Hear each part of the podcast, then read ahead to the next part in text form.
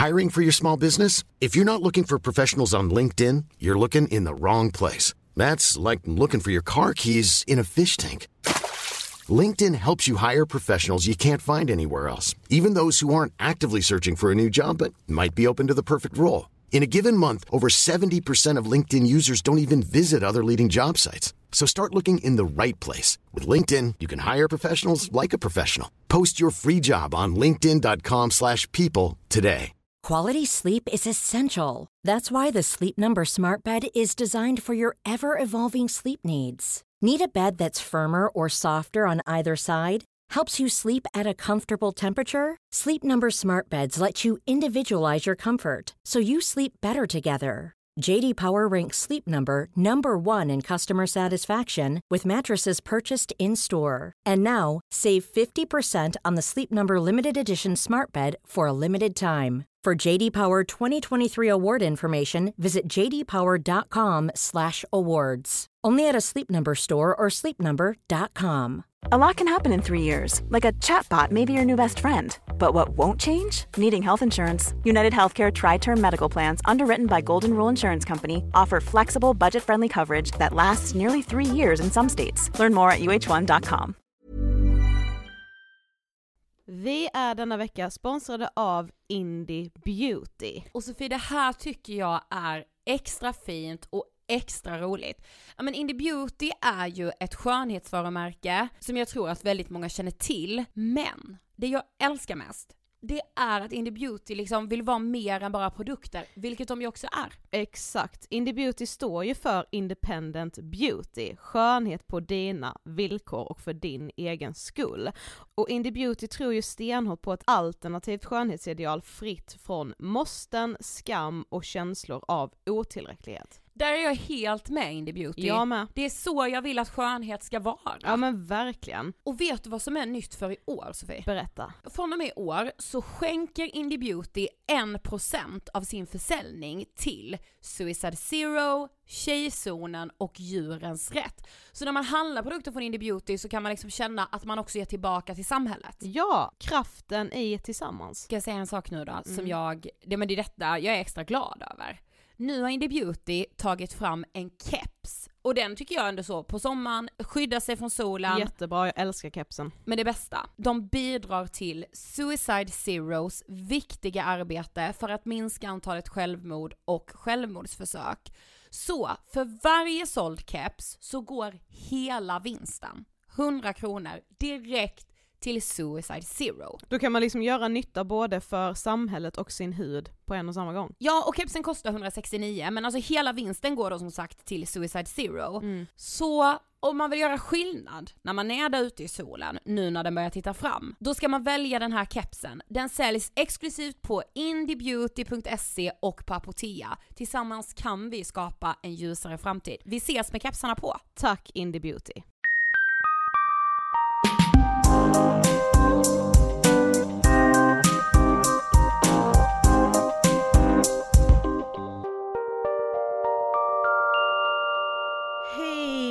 allihopa och välkomna till årets första ångestpodd! Hej! Avsnitt 258. Eh, Jag, hör du hur hes jag är? ja, Ja, jag är förkyld, jag är liksom, jag börjar inte 2020 på topp, så kan man säga. nej, det gör väl inte jag heller för att det är ju första januari idag. Ja, Så jag är lite trött idag, så mycket kan jag säga. fattar. Mm. Men eh, jag känner ändå att jag har stora förhoppningar på 2020. Jag vet, men sen samtidigt Sofie, jag blir lite så nervös av att ha det. Alltså, nej, jag, jag bara så här tänker att nu får tiden ha sin gilla gång. Mm. Så att säga, jag får inte liksom måla upp det som att det ska bli varken jättehemskt eller helt Nej. jävla fantastiskt. Nej, alltså jag, förstår du? Precis, jag har ju sagt det från, alltså ett av våra första avsnitt handlar Ja. ju typ om nyårslöften och Ja sånt. just det. Typ avsnitt två. Avsnitt två heter något med nyårslöften. Ja, och jag tror, om jag känner mig själv rätt, att jag redan där säger att jag inte tycker om nyårslöften. Exakt.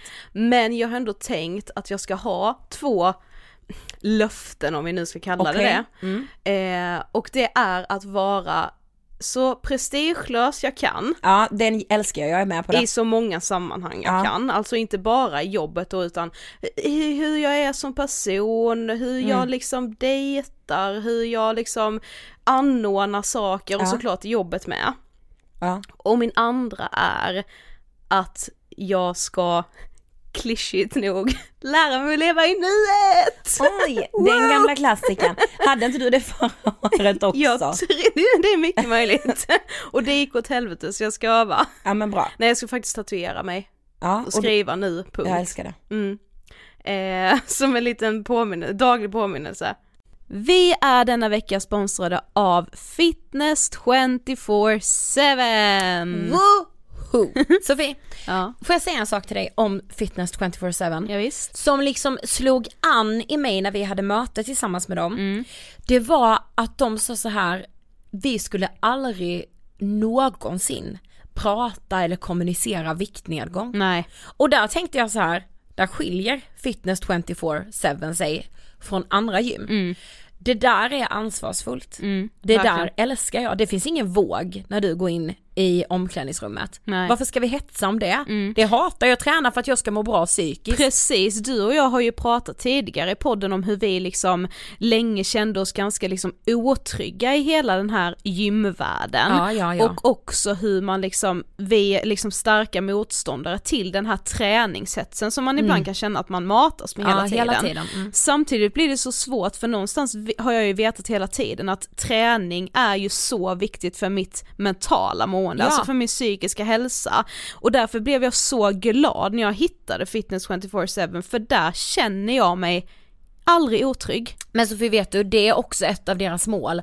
Att alla ska känna sig välkomna. Alltså alla! Mm. En sak som jag älskar extra mycket, det är ju deras tjejgym, för på deras gym, vilket gör dem helt unika, är att det finns en tjejavdelning. Och det är så, nej men det är så trevligt där Ida. Ja men, där har vi så härligt. Ja. Jag är alltid där. Ja. Alltid där, där känner jag mig trygg, det är det jag menar. Men du också detta som jag kan tycka också känns så jäkla lyxigt. Det är att du får ju då ditt gymkort. Det ger dig tillgång till alla fitness 24-7 gym i hela världen. Och vet du hur många gym de har? Nej, Över 250 stycken. Åh herregud. Det är bara att välja och vraka liksom. du, du menar att du och jag skulle kunna åka på en fitness 24-7 resa och bara besöka de här platserna? Det skulle vi kunna göra. Oj, det kanske är något vi ska tänka på. Jag måste också säga dig att alltså de har öppet alla tider på dygnet. Skojar jag inte alltså? Nej. Nej. Man kan träna när man vill. Ja, ja, ja. Dessutom har de en helhetslösning med så att de har liksom gym, tjejgymmet då som vi var inne på. På vissa gym har de även PTs och på andra gym har de liksom grupppass om man hellre liksom vill träna i grupp. Det är jag lite rädd för så det kanske är min utmaning. Det tycker jag det ska vara. Att jag ska testa det. Nu har vi ändå liksom känt oss trygga här på gymmet ett tag eftersom vi själva har använt fitness 24-7, ja men så länge jag kan minnas. Är det gruppträningen vi ska erövra nu? Yes det är det, nu hör jag hör det när du säger det. Okej. Mm. Ja, tack för det, fitness 24-7. Vi har denna veckan ett betalt samarbete med Systembolaget. Och nu har vi ju haft det här samarbetet ett bra tag. Mm. Vilket vi är väldigt stolta över. Och vi har det här samarbetet som ni vet för att vi vill uppmärksamma alkohol kopplat till ångest eller kopplat till psykisk ohälsa. Yes. Men du, nu är det ju faktiskt nytt år. Jo, jo, Det är 2020. Ja du vet vad man går i då ofta va, för banor. Yes. Det är ny start, det är nya vanor Sofie. Nej men nu är det ju den här nytt år, nya möjligheter. Ja och jag tänker så här, nu har det precis varit jul, det har varit nyår, många dricker mer alkohol under de här högtiderna än vad man gör vanligtvis. Yes. Man kanske har kommit in liksom i den lunken av att dricka mer och konsumera mer alkohol. Ja det blir ju lite precis som det är efter sommarsemestern, man har varit ledig lite längre och som du säger druckit lite mer då och då kan det på ett sätt vara den här bara, nej nu jävlar skärper jag till mig liksom, nu ska jag inte dricka alls, nu ska Ja. jag ha en vit månad typ. Men det kan också vara väldigt svårt att komma in i de här rutinerna Ja. igen, för många mår ju väldigt dåligt när de ska tillbaka till sina Ja, vardagsrutiner. och så är jag också när jag, du vet så här, om jag går in för hårt i den här nytt år, nya möjligheter mentaliteten, misslyckas jag då, då slår ju det tillbaka extra hårt. Alltså Ja, du vet då är det som att man tar ett steg fram och två tillbaka. Men något annat också som jag tycker känns väldigt viktigt att nämna, det är kopplingen mellan alkohol och självmord.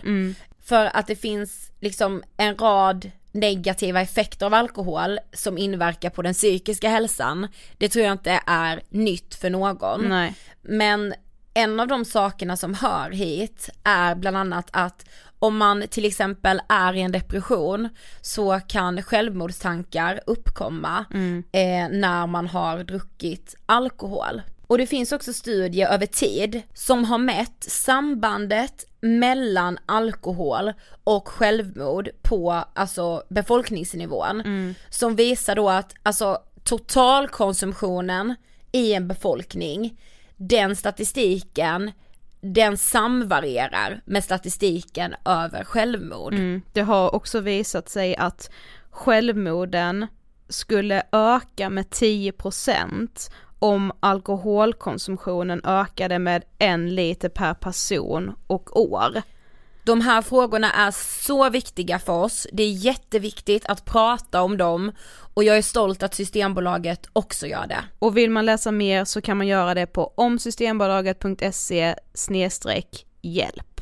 Okej, alltså veckans avsnitt, det känns så bra att få börja 2020 med det här, för det ligger i tiden. Det gör det verkligen och jag tänker också att det här kan ju vara någonting som man själv har funderat på nu inför det nya året. Så här, vad kan jag göra för miljön? För som ni har sett i titeln så kommer vi idag prata klimatångest. Och med oss har vi alltså en sån inspiration för mig, Therese Zetterqvist, also known as Z. Yes, och hon har ju faktiskt gästat oss innan Ja, tillsammans med Therese Lindgren. Precis. Vi kom ju fram till att det var nästan exakt två år sedan, vilket är helt sjukt. ja och vi, då gjorde vi ju en collab, för Therese och Therese hade ju en podd tillsammans. Yes. Och eh, ja, men nu är alltså Z tillbaka och den här gången för att prata klimatångest. Mm, eller klimatoro som vi också använder oss av. Exakt, men Sofie det som jag gillar med det här avsnittet Mm. det är att det är liksom inte så här: åh här kommer vi med massa pekpinnar, gör Nej. så här, sluta med det här. Utan det här är verkligen bara ett avsnitt för att lära sig mer och också förstå den här oron som väldigt, väldigt många Mm. växer upp och känner idag. Ja men och lite, vi diskuterar ju mer skulle jag säga, än att vi bara frågar ut. Ja och sen så här växer upp sa jag nu men alltså många går ju runt med den här oron, inte bara unga personer utan ja men alltså vem som helst. Ja och det är en jätteviktig fråga och det är viktigt tror jag att man pratar om det, på tal om att vara prestigelös, Mm. att prata om det på ett ganska prestigelöst sätt så att Verkligen. fler vill ta det här till sig. För att det är så viktigt. Vi rullar intervjun med Therese om klimatångest. Varsågoda! Hej Therese och välkommen till Ångestpodden! Hej! Välkommen Tack. tillbaka ändå. Ja, Ja. just det, du har varit här innan. När var det vi var med senast, jag och Therese? Det var ju julen 2017. Jaha, det år var så det var? Ja. Okej. Mm. Helt wow. sjukt. Åh jäklar. Men jag minns att vi hade det väldigt mysigt, alltså vi var väldigt privata då minns jag. Mm. Jag måste nästan gå tillbaka och lyssna på det Ja, avsnittet, för ja. det var så länge sedan. Jag kommer inte riktigt ihåg vad vi pratade om, men vi pratade om vänskap. Ja, det gjorde vi. Och Det var det psykisk gjorde. ohälsa. Gud ja, Ja. just det. Mm. Mm, Fint det var- avsnitt. Ja, Det får man lyssna på efter det här, för idag ska vi ju prata om miljö. mm, Exakt. precis. Men för de som inte vet, vem är du? Jag heter Therese Zetterqvist och jag, eh, jag sprider klimatfakta via YouTube och Instagram. Nu för tiden kanske framförallt via Instagram. Det har kommit att bli lite av min, min plattform. Så att jag pratar väldigt brett om klimatfrågor. Både om, eh, ganska mycket om konsumtion faktiskt. Mm. Eh, fokus på, på individen har det blivit därför att jag, det började som en nyfikenhet själv, att jag själv ville lära mig mer om, om jag kunde ja, förändra min livsstil och sådär. Eh, Men jag pratar också en hel del om, om matens klimatpåverkan eh, eh, och ja, klimatförändringar, liksom, vad, vad som händer med vår planet. Mm. Så att jag är en, en sån där grön, gröning. Ja. Vad tänker du på när du hör ordet ångest? Uff, jobbigt. Ja, jag har ganska mycket ångest just nu. Eh, Det verkligen går upp och ner. Alltså jag, jag är en sån där, jag funderar på ofta om jag är normal alltså. Alltså det, Nej men det går så himla mycket upp och ner. Det kan växla från förmiddag till eftermiddag. Att jag Mm. vaknar och känner så här, gud vilken härlig dag. Och sen på kvällen känner jag, alltså jag orkar inte. Eller tvärtom. Exakt samma för mig. Ja, är det så? Ja, ja, ja, ja, ja. Alltså, och jag bara så här, gud alltså jag orkar inte att mitt liv ska vara, alltså så här, att jag aldrig kan vara säker på mitt mående typ. Mm. Alltså så jag relaterar. Ja, ja men det var bra. Eh, nej men och, och min ångest är ganska mycket kopplad till, har jag kommit fram till, eh, alltså dålig självkänsla. Verkligen så. Så att ja, nej, jag, jag har ganska mycket att, att jobba med där. Och har ganska mycket ångest kopplat till prestationer och självkänsla och sådär. Superjobbigt. Mm. Ja. Ja det är det. Men också väldigt vanligt tyvärr. Mm. Jag tror man så här, har man typ vant sitt, vad ska man säga, sinne att liksom mäta liksom sitt värde i sina prestationer så är det jättesvårt att liksom släppa det för att man har liksom vant sig vid det på något sätt. Verkligen. Man kanske kan så här vänja sig av vid att lägga allt sitt värde i sina prestationer men det är svårt att släppa det helt och hållet vilket man ju egentligen borde göra men ja. Ja men verkligen, och jag har ganska mycket fastnat i ett sånt där dåligt Alltså dålig spiral, tankande, så dåligt tankemönster som man behöver hjälp med att, liksom, att bryta. Ja. Eh, Så att jag, ja, där tumlar jag runt. ja du är inte ensam där. Nej, så att det är väl min direkta tanke Mm. om ångest så, eh, i mitt liv. Ja. Så, förutom klimatångesten då som vi ska prata om. Ja, Ja, precis. Så det är ju det, idag ska vi prata om klimatångest och miljö. Vilket, alltså det är så många som har bett oss, alltså prata om det, speciellt senaste året. Ja och speciellt våra lite yngre lyssnare skulle jag säga. det skulle jag med säga. Det kommer verkligen underifrån. Ja, Mm. men, men nu sa du ju det, alltså har du själv liksom klimatångest? Alltså det går lite upp och ner i olika perioder. Ehm, verkligen, jag, ja, men jag tror jag nämnde det precis här innan vi började podda att ja, men det, det är som en cykel. Ehm, att jag kan verkligen trilla ner i ett hål där jag känner så här att alltså jag, or, jag orkar inte, idag orkar inte jag engagera mig. Och det är ju så på allvar eftersom jag också är egenföretagare. Jag går och lägger mig. Ja. Du vet, alltså jag ger upp dagen och går och lägger mig. Ja. Och det blir kanske ofta så eftersom jag tar del av en hel del fakta. Så jag är också en nörd. Så att jag liksom gräver ner mig i specifika områden. Ehm, så att då kan jag känna så här, wow, alltså det här det är tungt. Därför att det finns så många utmaningar som vi står inför. Ja. Eh, och ja men ibland så blir det överväldigande. Ja. Men så kan det gå några dagar och sen så fokuserar jag mer på så alla coola, engagerande människor som håller på med fantastiska innovationer, som vill minska matsvinnet och ja, men kopplar ihop liksom det hållbara med det sociala. Och, alltså då, känner jag, då, då känner jag hopp istället. Ja. Så det är verkligen så. Och jag tror att man kan se det också på mina sociala medier. Att ibland så delar jag jättemycket superpositiva, inspirerande tips Ja. och sen så kan jag bli lite destruktiv. Jag bara, nu är det dags att ta ställning. nu måste ja, så att man kan se det också tror jag. Undrar om det har att göra med min menscykel också.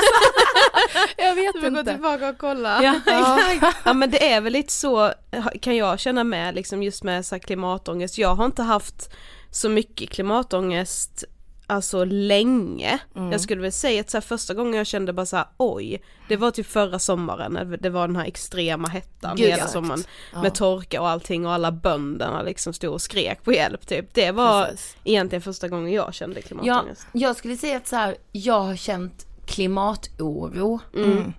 Alltså för ångest för mig är så starkt på något sätt. Mm. Så på, alltså så här, men, men det som du säger Sofie, alltså förra sommaren, sommar 2018, Mm. då blev jag alltså rädd på riktigt. Då fick jag ångest. Mm. Men innan dess hade jag nog mer liksom, kan beskriva det som en oro som Ja. kom då och då liksom. Precis. Men jag tror att många kände så, alltså att det blev så himla påtagligt förra Exakt. sommaren. Mm, för då blev det så konkret. Ja, ja men verkligen. Ja. Men sen så som du säger Ida, Mm. alltså det är väl bra också att på något, på något sätt så här dela upp den här Mm. klimatångesten. Därför att jag brukar också använda just ordet klimatoro. Mm. Därför att det är inte så att man går och känner ångest hela tiden som Nej, varje dag. exakt. Men, att, men också kände jag häromdagen, tänkte jag, idag känner jag klimatsorg. Alltså då var jag så ledsen. Ja. Alltså jag kan bli ledsen så. Ja. Därför att jag, alltså jag tycker verkligen att vår planet, alltså jag är fascinerad. Mm. Jag tycker att det är så fantastiskt med hur allting hänger ihop, Ja. alla Mm. ekosystem. Då kan jag bli ledsen över att, ja men vart vi är på väg. ja, vad har vi gjort? Ja, så. Men när var första gången då som du kände klimatoro? Jag, jag skulle nog säga att det var någonstans, alltså 2016, 2017. Um, Därför att ja, men då hade jag haft igång mina kanaler, inte jättelänge men kanske ett år Mm. och börjat rikta in mig mera på klimatfrågor. Och så här, jag började ganska mycket från noll. Mm. Jag hade ju pluggat retorik, hade inte någon inriktning mot hållbarhet men träffade en massa människor som, som pluggade hållbarhet och drog in mig i det här, Mm. snurret. Mm. Ehm, så att när jag liksom började lära mig mer och prata mer om det och förstod omfattningen, då började jag känna oro. Så du hade liksom tidigare inte så här varit liksom intresserad av så här klimatfrågor och liksom var inte spe- speciellt påläst på det? Nej, nej, faktiskt inte. Alltså jag har alltid haft, typ, ja, men känt en väldig närhet och också så här, ett ord som man inte använder så mycket nu för tiden, vördnad. Ja. Jag känner mig lite som en tönt, jag vet inte varför. Nej. Men jag känner verkligen vördnad inför naturen Ja. och har alltid varit väldigt mycket ute. Ja, Eh, och jag har känt väldigt mycket respekt men jag har, jag har inte kopplat ihop det med klimatfrågan. Nej. Och jag tänker så här, men varför har inte jag gjort det? Men jag tror att det beror på att jag inte haft någon i min omgivning som har pratat om det här. Jag har liksom Nej. inte haft en familj som varit intresserad eller vänner som har haft det tänket heller.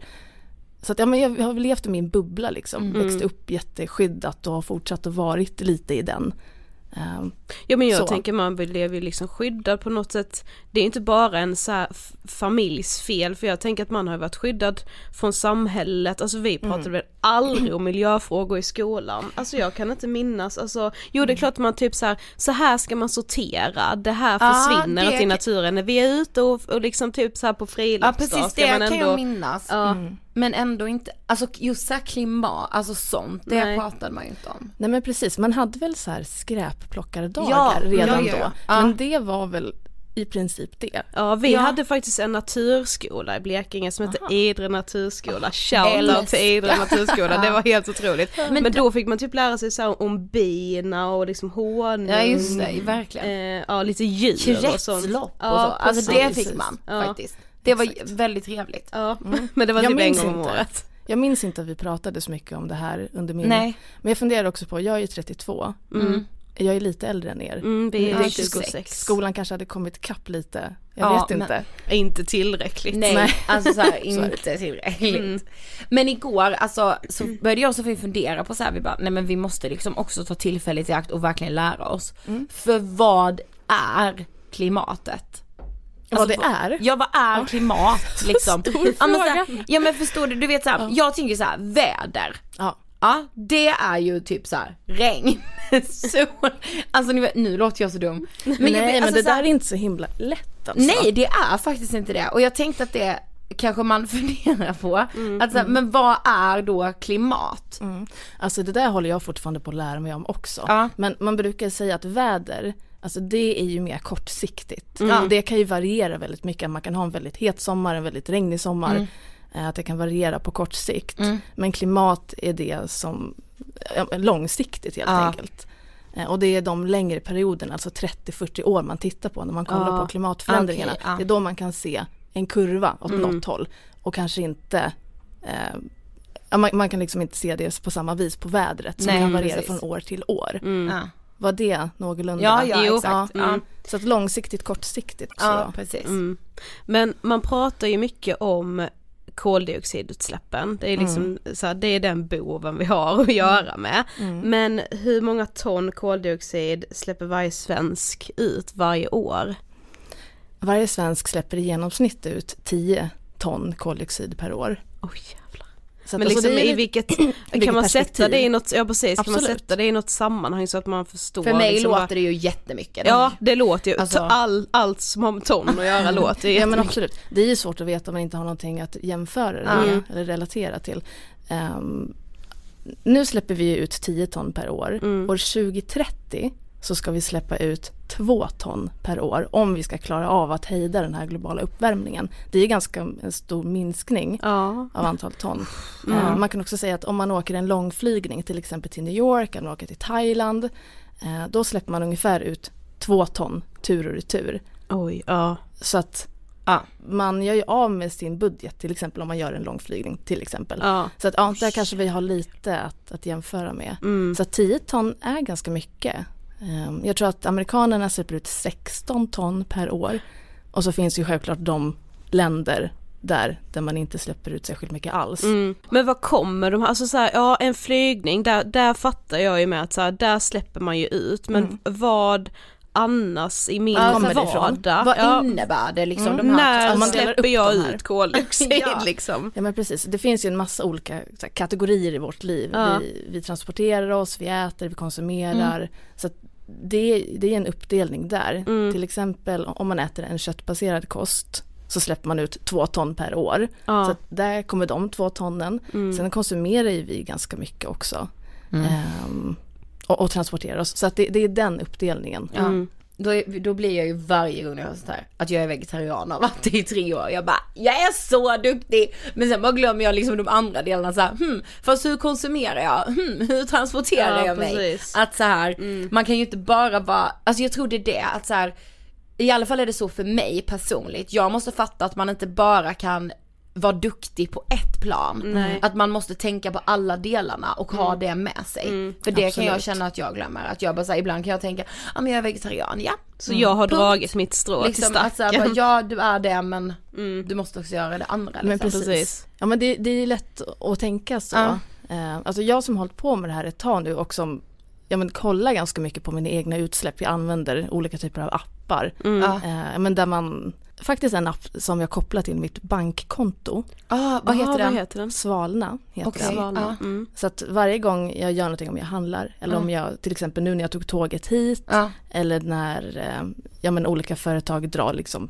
jag betalar mina fakturor och sådär. Ja. Så kategoriserar den här appen upp i transport, Mm. mat, eh, konsumtion och hushåll.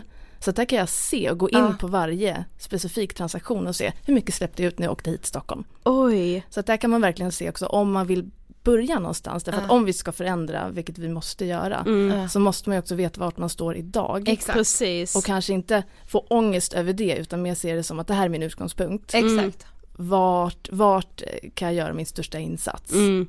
Precis. Och jäklar vad bra, alltså det är ju så bra. Då får man liksom det gratis på något sätt. Så här, så här ser det ut. Alltså man, man liksom, att det sker per automatik då. Mm, precis. Mm, Ska liksom. ladda ner den direkt nu, jag har slutat på där. Ja, men gör det, den är faktiskt jättebra. Ja. Det, är, det är väldigt överskådligt. Ja. Men när vi skulle göra det här avsnittet så skrev ju vi på Instagram liksom till våra lyssnare så ja, nu ska vi prata om klimatångest, äntligen liksom. Och det var många som skrev till oss då att de liksom kan känna en liksom maktlöshet inför det här, alltså det känns nästan omöjligt ibland när man får liksom nya rapporter, man liksom eh, googlar man runt lite så visst det kommer vi in på senare med för man hittar ju mycket som säger att vi inte behöver vara oroliga. Men det är många som känner just en maktlöshet för att man känner kanske att ja men det är svårt att ändra på allt, ja men vi, vi måste konsumera, vi måste transportera oss, alltså det är liksom den det lev, livet vi lever nu. Men har du känt den maktlösheten?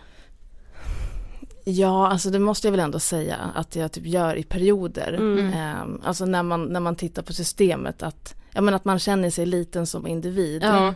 i relation till Ja men till exempel om jag läser någonting om, om Kinas stat som har investerat i någonting, då känner jag så här, åh herregud. Ja, Ehm, det är svårt, alltså det är svårt att hantera de tankarna. Ja. Alltså jag, i ärlighetens namn, så här, jag försöker att inte befinna mig så mycket där. Ja. Eh, Det pågår ju hela tiden en diskussion om huruvida individen kan påverka eller Mm. Ja. inte. Och jag tror ju att man kan göra det. Alltså dels så kan jag minska mina utsläpp. mm. Om vi pratar om den här 10 tonnen. Exakt. Jag är nere på 4,5. Oj, Va? vad bra. Ja men alltså det Ja, går att men göra ganska det är mycket. Ja, fa- faktiskt. Det, där lät som skryt men jag bara menar att jag, Nej men det är jag ju så inte- jävla grymt. Ja, och det går. Verkligen. Så här, jag har inte gjort några radikala förändringar i mitt liv. Nej. Förutom att typ göra ett annat val. Mm. Istället för att köpa den tröjan, köper jag den tröjan. Mm. Istället för att äta det, äter jag det. Mm. Alltså jag har ett fint liv. Mm. Ehm, vart var vi någonstans? Individen. Ja, Ja, men en maktlös, alltså. Ja, men precis, jag tänker också så här att vi påverkar våra medmänniskor. Är Mm. det så att man själv börjar engagera sig så pratar man ju naturligt om det man håller på Ja, med, om sin precis. resa. Man påverkar sin familj, man kanske får upp det här top of mind hos vänner. Så att man sprider ju Ja, den här grejen. Man är med och påverkar Mm. som individ. Eh, och också om man, om man röstar på ett parti som man tycker gör mycket för klimatet, eller man går med i klimatstrejkerna. mm. Eh, det påverkar. Mm. Ja. Jag tror ju inte att ens egen ångest minskar om man alltså väljer att se det som det stora samhällsproblemet och att man inte kan göra något som individ. Alltså, Absolut. jag, jag, tänker att de här små valen som ändå gör att man känner att man faktiskt gör något gott mm. är det som kan göra att man minskar sin egen ångest för Absolut. just klimatet. Ja och man blir Absolut. också motiverad tänker jag till att så här, göra något lite till eller Precis. något alltså så här, jag tror att den motivationen ska man inte plocka bort från sig själv. Nej. Nej, definitivt för då också, ja men om man om man börjar engagera sig, om, om man går med i det här liksom, fina communityt som finns mm. av massa människor i vårt land ja. och i vår värld som, ja. som jobbar för, alltså det är ju fantastiskt faktiskt. Ja, alltså, varje dag mm. så är det massa människor som går upp och bara jag ska göra allt. Mm. Ja, alltså, alltså, i mitt företag eller i min politiska gärning eller Precis. i min vardag. Mm. Jag tycker att det är så jäkla fint. Ja. Uh, att man kan känna att jag är en del av den här communityn. Där jag bor i min vardag. Exakt. Um, man kan vara med och som, som jag har ett extrajobb. Jag skaffade mig ett extrajobb faktiskt i Uppsala mm. på ett hotell. Mm. Där har vi ganska mycket utmaningar med matsvinn. Ja. Ah, de tycker att jag är lite jobbig kanske. Men jag är med och så här, sm alltså smått flyttar fram positionerna där och pratar om hur kan vi göra här, hur kan ja. vi göra här. Man kan äh, engagera sig också på sin arbetsplats. Mm. Ja, alltså så. verkligen. Mm. Men alltså det var också precis som vi har varit inne på en annan som skrev till oss att så här, ja men det är inte gemene mans ansvar utan det är företagens ansvar. Alltså vad tänker du kring det? Ja, alltså jag tycker, jag tycker definitivt mycket att det är företagens ansvar och politikernas. Eh, därför att det, det är mycket begärt att alla individer i vårt land och i vår värld ska, ska sätta sig in i och bli så, så pass pålästa mm. på eh, men hur man ställer om. Mm. Och ja, men företagen bidrar ju hela tiden till att ska jag använda uttrycket, pracka på oss att vi behöver konsumera, att vi behöver saker. Mm. Eh, och om inte de ställer om, om inte de alltså ställer om sina, vad säger man, inte affärskedjor utan eh, produktions, typ. ja, ja precis. Alltså, ja. affärsmodeller. Ja, eller, Så, ja, men ja, affärsmodeller, ja. men precis. Mm. Eh, och bli cirkulära. Vi kommer inte klara det då. Nej. Utan de måste ju också med. Ja. Um. Det är typ det jag kan tycka, det kan jag få ångest över för att jag känner ju hur jag rent psykologiskt går på den här pracka på grejen. Alltså mm. jag tänker ju också, jo fast detta behöver jag också. Ja, Gud, Bara detta, alltså skulle jag, nu, ska, nu kan inte jag säga att jag har absolut inte kommit så pass långt i min resa att jag liksom har liksom satt upp några så konsumtionsmål mm. för mig men jag vet ju någonstans också att när jag väl gör det för att jag känner att jag ska göra det mm. så kommer jag ju också ha den här liksom, när man bara, bara det också, sen, alltså lite som oh, så här, Gud, på uh. måndag, uh. då börjar jag träna och sluta konsumera och du vet typ så här, bara det också för att jag går på allting och mm. blir liksom, ja men psykologiskt påtvingad att Man köpa. blir ju det, och grejen är jag har, jag har faktiskt inte läst klart, den är bara påbörjat, men det finns en, en, bok som heter Vi är vad vi köper, mm. som är skriven av typ en ekonom och en antropolog, en mm. socialantropolog. Mm. Eh, där de pratar om att alltså, vi människor, vi är konsumerande, alltså konsumerande varelser mm. av olika slag. Mm. Eh, det är viktigt för oss med grupptillhörighet. Det är viktigt för oss att uttrycka vilka vi är. Och det är ingenting som är konstigt med Nej, det. Och därför precis. så hakar vi också på det här och mm. det är det man spelar ja. på. Um, så att det är, det är egentligen inte något, något konstigt med att, att man känner att nej men jag, jag vill uttrycka min stil, jag vill göra det här. Det gäller ju bara för oss att hitta andra sätt att göra det ja, på. Mm. Så att man behöver inte ge, liksom känna att man måste ge upp det där utan nej. bara hitta ett annat vis. Mm. Det tycker jag också känns hoppfullt. Ja, faktiskt. Ja, men, faktiskt. men det var också många till oss som skrev, alltså främst yngre skulle jag säga som själva har funderat mycket på det här att alltså de känner en oro inför framtiden att skaffa barn mm. för att de tänker att så här, jag vet inte om jag vill att ett barn ska liksom växa upp i den här världen och hur kommer världen se ut typ 2040 liksom. Mm. Eh, alltså hur orolig ska man egentligen vara? Ja, i ärlighetens namn, det, vi är ju mitt i en klimatkris. Mm. Vi står ju inför väldigt stora utmaningar och ja, men man blir lite matt när man hör siffror som att 99% av fiskebestånden är överfiskade eller att 99% av korallreven redan är döda. Ja. Alltså, alltså gud det är så, mm, så jag ryser. Så här, det är inte konstigt att vi har klimatångest. Nej. Jag tycker att det är ganska naturligt. Mm. Och det är klart att I'm Sandra, and I'm just the professional your small business was looking for. But you didn't hire me because you didn't use LinkedIn jobs. LinkedIn has professionals you can't find anywhere else, including those who aren't actively looking for a new job but might be open to the perfect role, like me. In a given month, over 70% of LinkedIn users don't visit other leading job sites. So if you're not looking on LinkedIn, you'll miss out on great candidates like Sandra. Start hiring professionals like a professional. Post your free job on linkedin.com/people slash people today. A lot can happen in three years, like a chatbot may be your new best friend. But what won't change? Needing health insurance. United Healthcare Tri Term Medical Plans, underwritten by Golden Rule Insurance Company, offer flexible, budget friendly coverage that lasts nearly three years in some states. Learn more at uh1.com. Hey, it's Ryan Reynolds, and I'm here with Keith, co star of my upcoming film, If, only in theaters, May 17th. Do you want to tell people the big news? All right, I'll do it. Sign up now and you'll get unlimited for $15 a month in six months of Paramount Plus Essential Plan on us. Mintmobile.com slash switch. Upfront payment of $45 equivalent to $15 per month. Unlimited over 40 gigabytes per month. Face lower speeds. Videos at 480p. Active Mint customers by 531.24 get six months of Paramount Plus Essential Plan. Auto renews after six months. Offer ends May 31st, 2024. Separate Paramount Plus registration required. Terms and conditions apply if rated PG. Och funderar på, ja men hur kommer det bli? Kommer vi klara av att ställa om? Um, jag tillhör inte den gruppen som, jag, jag, tror inte att vi kommer kunna motivera människor att sluta skaffa barn. Nej, därför att nej. för mig, så här, om jag pratar för mig själv, det känns liksom, det är en för stark drift. Mm. ja, jag vill ligga där. Ja, precis. Eh, Jag vill fortplanta Ja, precis. Ja, men det är någonting som jag vill uppleva Mm. i, i mitt liv. Ehm, jag tror att vi kommer behöva satsa på andra grejer. Alltså jag, jag ehm, vad var det jag läste för någonting? Men jag läste en intervju med Hans Rosling här, Mm. inte alls länge sedan. Jag vill upp den på min Instagram. Mm.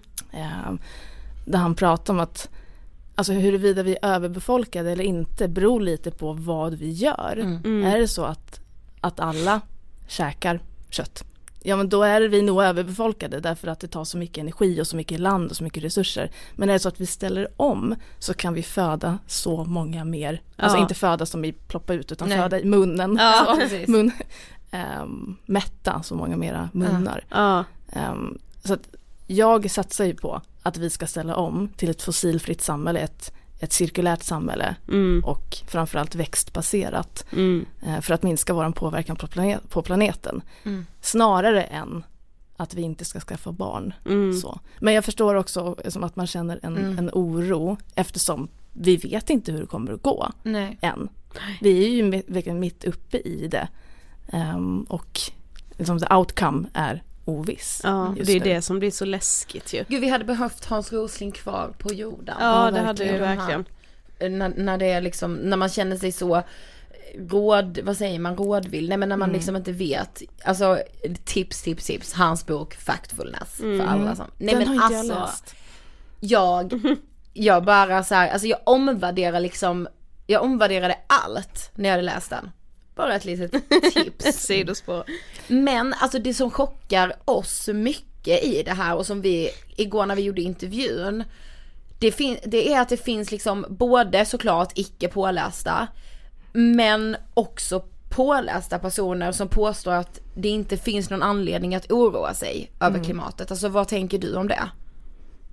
Jag förstår ju inte riktigt det där. Nej, alltså vi gjorde verkligen inte heller det. Vi bara, va, vad är det här för doktorand, Ja men det är professor? ja alltså, den är, nu minns jag inte hans namn men han var ju ändå en av de mest framstående liksom miljöprofilerna. De, Mm. de skämtade typ så ja ah, han kommer ju på plats två för alla vet att Greta är på plats ett liksom. Ah. Men så här, och han sa att det, det finns liksom ingen anledning att oroa sig. Mm. Och det är så sjukt och bara för sen på kvällen så såg jag så här, ja ah, nu är det 11 000 miljöforskare som har skrivit under och gått ihop om den här liksom, det, det är en megakris vi har Mm. framför oss. Man bara, men hur fan kan det vara så tudelat? precis.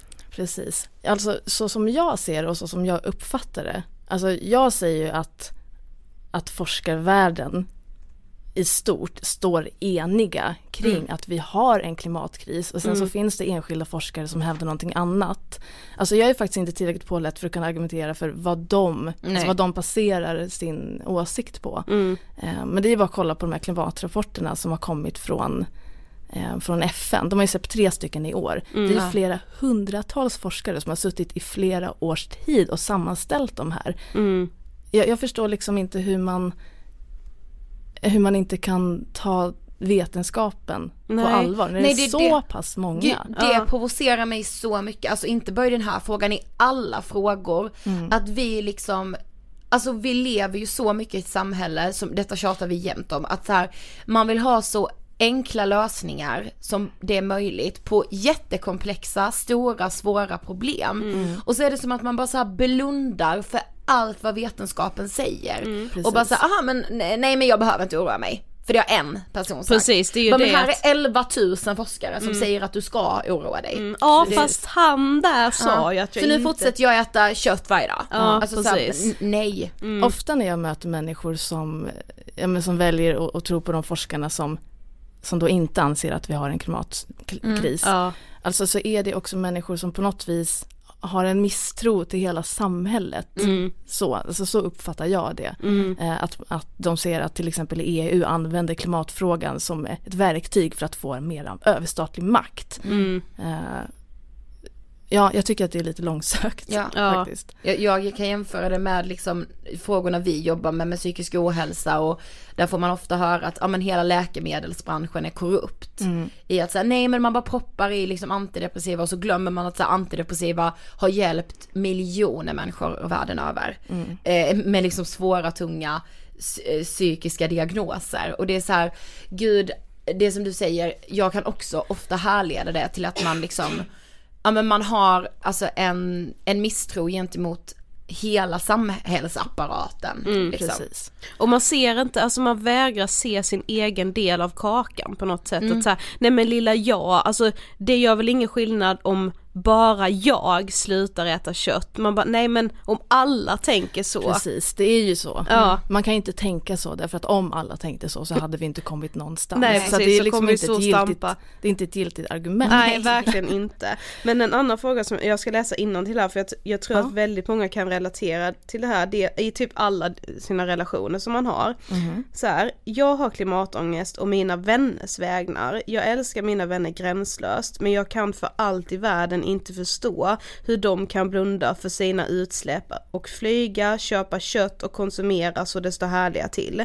Vi pratar inte längre om klimatet för det blir alltid diskussion eftersom vi enligt dem tycker olika. Kan man verkligen tycka olika när det gäller fakta? Hur får jag mina vänner att bry sig om klimatet? Ja, det där är ju en riktig kuggfråga. Jag känner också att jag har den utmaningen i mitt liv. Ja. Ehm, och att, att jag känner mig jobbig när jag åker på middag med vänner som inte har samma intresse och som ja, men in, inte läser på och inte tror att vi befinner oss i en klimatkris. Åtminstone inte till lika stor del som jag anser. Ehm, och alltså vad tycker ni? Det, här, det är jättesvårt att svara på. Ja, jag tycker Ja. med det är jättesvårt. Nej Alltså, men jag tycker med det är så svårt. Och där blir jag med, alltså som hon har skrivit här att så här, kan man verkligen tycka olika om fakta? Så här, det är ju ingen tyckare. Alltså så här, jag som liksom vanlig människa, långt ifrån miljöforskarvärlden, långt ifrån FNs rapporter. Jag kan ju inte tycka så här, nej FNs rapport, nej den tror jag inte riktigt på. Alltså det Nej. finns ju inget att tycka, Bli- alltså jag blir så frustrerad i det. Men jag kan tycka att det är lite obehagligt att vi så här, vi befinner oss just nu i en samtid där det är så sjukt lätt att ducka för, ja men dels fakta, men också så här, det är klart att man har pratat om liksom klimatkrisen och den globala uppvärmningen på liksom ett program som Nyheterna som ju den äldre generationen, alltså typ våra föräldrar tittar på, men jag kan ju uppleva att mina föräldrar inte heller ser det här Gud, ja. som ett hot. För att så här, det kan kännas läskigt när man ser det liksom bara, åh gud jag har tänkt så liksom få, liksom går vi över den här graden som vi inte ska göra och så. Men när programmet är slut så har man liksom släppt det lika snabbt igen för att Precis. vi är, alltså våra hjärnor kan inte bara bevara den faktan utan vi går vidare till nästa och så har man liksom glömt det. Exakt. Ja, men jag känner precis likadant. Alltså jag, jag har ju haft ganska mycket diskussioner med mina föräldrar, eller snarare så här att jag inte kan låta bli att prata om de här frågorna när jag är hemma på familjemiddag.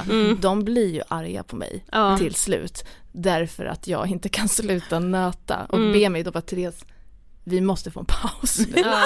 Eh, och och det, det är jättesvårt att påverka dem. Jag, jag tänker, ja, vad kan man göra? jag tänker att man får ansluta sig till vänner och en, grupper av människor som, som har samma åsikt som man Mm. själv och jobba på att normförändra Mm. Ja. hela samhället. Ehm, helt enkelt. Ja men jag tänker som du sa också att så här, våga vara jobbig. Ja. Var det. Mm. Alltså att så här, var ihärdig och jobbig. Ja, Mm. jag tror typ det också. Man kan ju också ta det lite i perioder om man vill. Mm, man, ja, man behöver inte prata om det hela tiden. Nej. Men, eh, Men att men för jag tänker så här, alltså förändring är aldrig bekväm. Nej. Liksom. Alltså det är som så här, ja men allt ifrån eh, kvinnlig rösträtt för hundra år sedan till att så här, alltså det var väl aldrig bekvämt. Det var inte som att någon liksom lite lätt kunde så här säga, nej men jag tycker kvinnor också ska få rösta. Alltså det var en jävla kamp. Och att man så här ska komma ihåg att säga nej alltså det kommer inte vara lätt liksom. Verkligen. Ja, men det där det är faktiskt det är ett bra ord. Alltså Mm. bekväm. Ehm, jag ser jättemycket människor på till exempel Instagram som vågar vara obekväma och jag tycker de är så coola. Jag vacklar lite fram och tillbaka där att ibland så orkar jag vara obekväm och ibland så orkar jag inte det. Mm.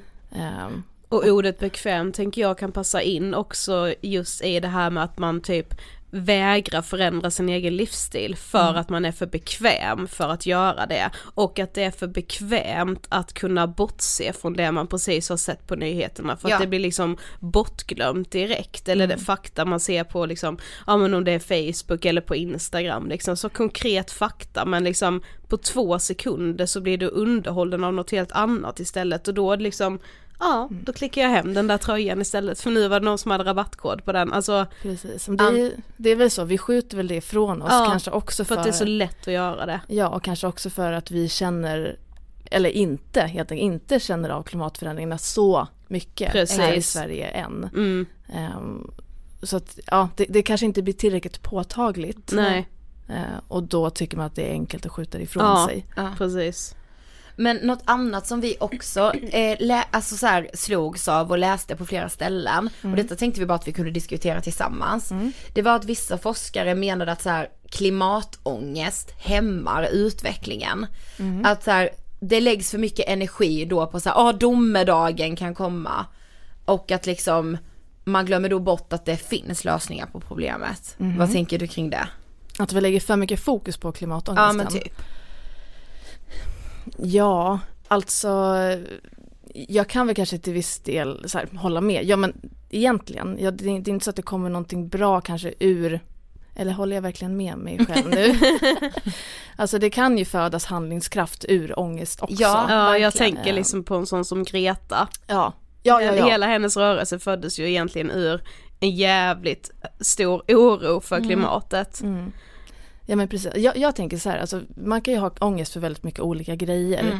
Ehm, man kan ha ångest för att åka buss eller man kan Mm. ha ångest för att åka hiss. eh, Mm. Eller som jag, ångest för att stå på scenen. Och det är ju någonting som man kan arbeta med. Mm. Ehm, och som, ehm, ja, men som man kanske kan här, gå i KBT för. Exakt. Klimatångesten är ju lite annorlunda därför att det faktiskt är ett reellt hot. Mm. Precis. Ehm, ja. Mm, det är svårt. Alltså, men jag för- tycker med det är svårt för på ett sätt så, så kan jag typ, jag förs- på ett sätt förstår jag dem.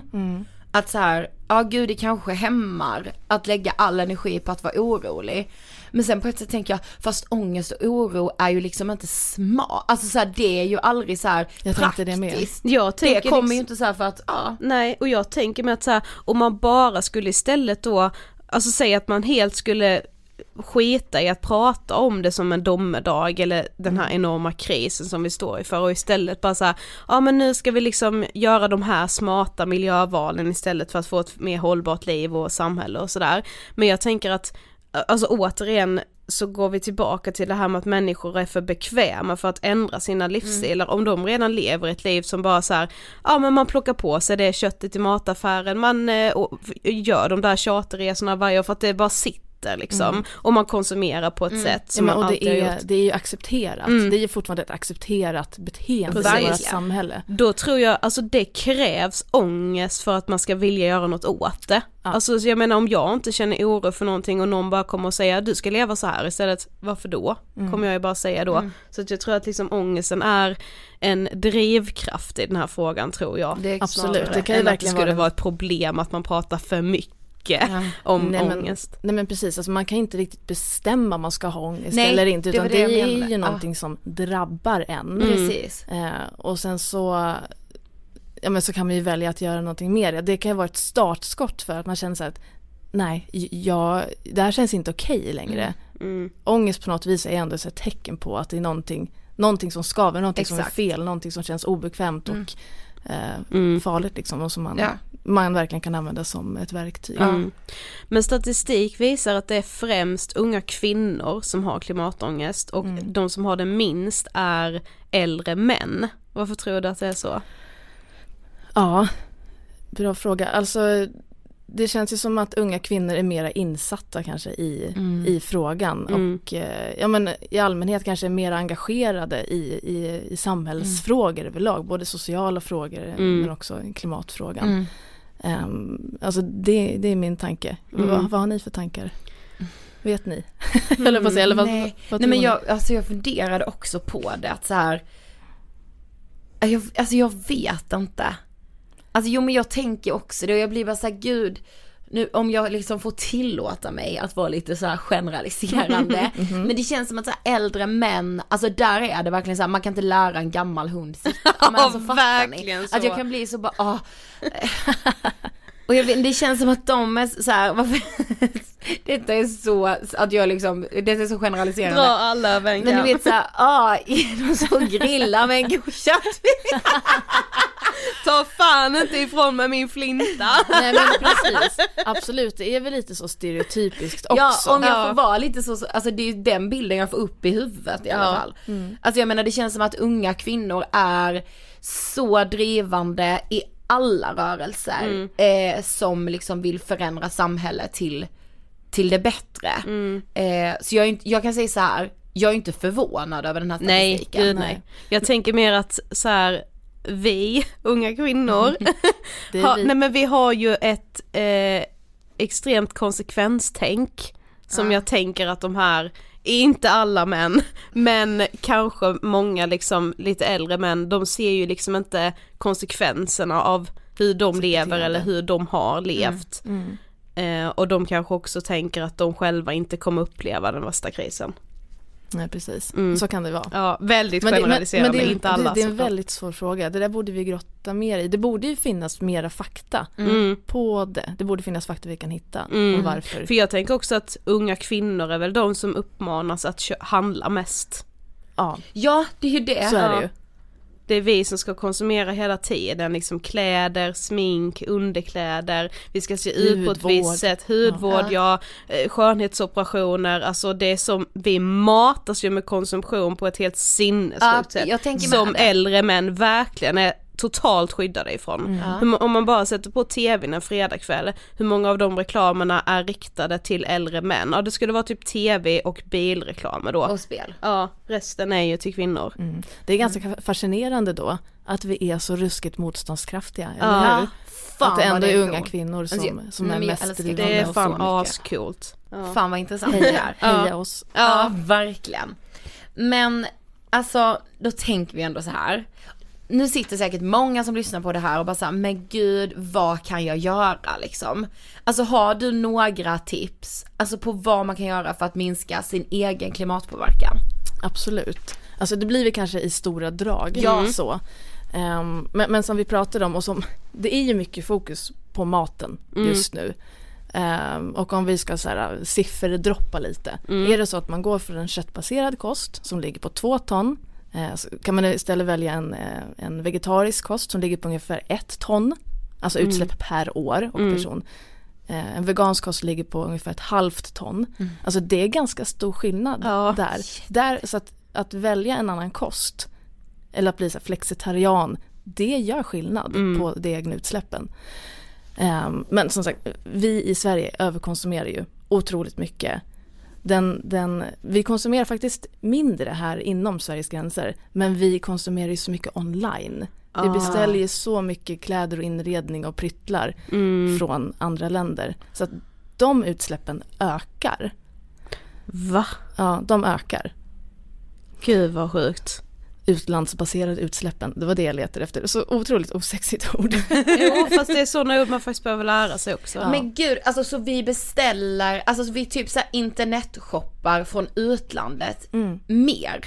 Alltså att Då är det, det dels att man konsumerar själva plagget eller produkten men också då resan.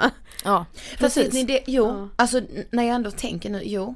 Det ser jag ju i, alltså så här, det är ju, alltså om jag jämför med typ så här fem år sedan, då skulle jag, alltså det skulle inte finnas på min världskarta att jag skulle beställa ett klädesplagg från till exempel en webbshop, om jag bara tar så här kläder då, jag ska beställa en klänning. Det skulle jag aldrig göra från en webbshop som var Nej, utlandsbaserad. sant. för att så här, jag visste, alltså jag visste typ inte ens att de fanns, det var Nej. de svenska. Men nu för mig, Tack vare sociala medier precis, så har ju de... så känner jag ju till min, alltså mer utländska som jag alltså skulle shoppa från. Och tyvärr är de ju också ofta sjukt billiga ju. Så att det blir att man väljer de alternativen för att man får mycket mer för Det pengarna. är sådana lockpriser, det är Ja, verkligen det. Så att definitivt maten, Mm. också överkonsumtionen, vi måste göra någonting åt den. Mm. Alltså det, vi kan inte fortsätta och, shoppa som vi gör, det är, det är inte hållbart. Ehm, men sen finns det ju massa grejer man kan göra hemma också. Till exempel, är det så att man bor i en lägenhet eller i ett hus, man bestämmer själv vad man ska ha för el, ställ om så att man stöttar den förnybara energin. Ja. Det känns som att många har gjort det här men det är också Ja. en viktig del. Mm. Ehm, åk inte bil när det inte behövs, ta tåget. Alltså ofta så, så åker vi, jag tror att den vanligaste bilresan är två kilometer eller någonting. Att vi, Oj. åker, att vi åker ner till butiken och det är också de som är alltså mest klimatsmutsiga. Ehm, så att gör inte sådana liksom onödiga resor med, med Mm. bilen. Ehm, sen så tycker jag att det är väldigt intressant att kolla på, på den här gemensamma, brukar man säga den gemensamma ekonomin. Den, ehm, alltså delningsekonomin Ja. som Mm. växer fram. Eh, Alla bilpooler, att man kan hyra kläder, sånt är superspännande. Och med. Ja men alltså det kopplas ju också på, någon, på något vis den här sociala aspekten också, att Mm. dela med varandra. Mm. Jag tycker det är jättespännande. Det finns jättemycket sådana initiativ. Och jag tänker också second hand. Mm. Ja absolut. Alltså gud vad det är liksom, alltså vad vi inte får glömma det. Mm. Alltså här, Och det gäller ju faktiskt inte bara kläder heller utan det finns ju så mycket så loppisar med möbler, alltså du kan Ja. fylla en hel lägenhet med bara second hand möbler. Alltså utan verkligen. problem. Ja, och vadå så här, alltså för jag, jag, alltså detta är med liksom, det är med konsumtionshjärnan liksom. Jag bara, jag vill ha de här tallrikarna.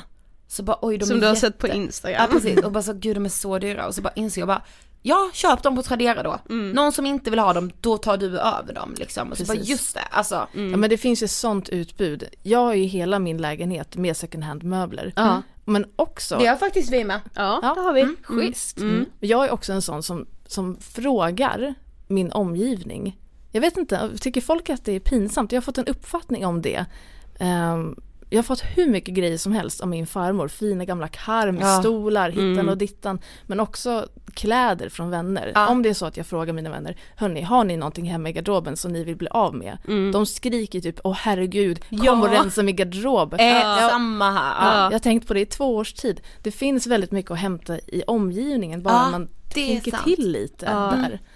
Eh, Och ja, jag kan, jag kan köpa varför det skulle kännas pinsamt för att vi lever ju samtidigt så här i en samtid där alla ska vara så framgångsrika, tjäna så mycket pengar, V- man ska väl inte behöva vara den som frågar om kläder av sina vänner. Precis. Men man behöver ju inte göra det av ekonomiska skäl utan man gör det för att man tänker på miljön. Precis. Så skulle det inte vara fel om man, om man ber om hjälp för att man behöver den hjälpen ekonomiskt heller men det är väl därför det blir så, åh nej gud är det pinsamt? Ser jag liksom ut som en person som inte kan köpa egna kläder liksom? Oj Precis. vad pinsamt. Vi har ju väldigt mycket sådana, alltså, ska jag säga tankevurpor? Nej men Ja. alltså att, att jobba med. Ja, Men dels att vi, Ja men det, det är så lätt, det är så lätt att, att köpa nytt tänker vi, att det ska Ja. vara så krångligt att handla på second hand. Mm. Ma- Massa sådana psykologiska grejer som Mm, vi måste precis. komma över, att, att det är inte så krångligt eller att eh, det finns mycket sådana saker vi måste förändra Mm. eh, normmässigt. Jag tänker mig hur jäkla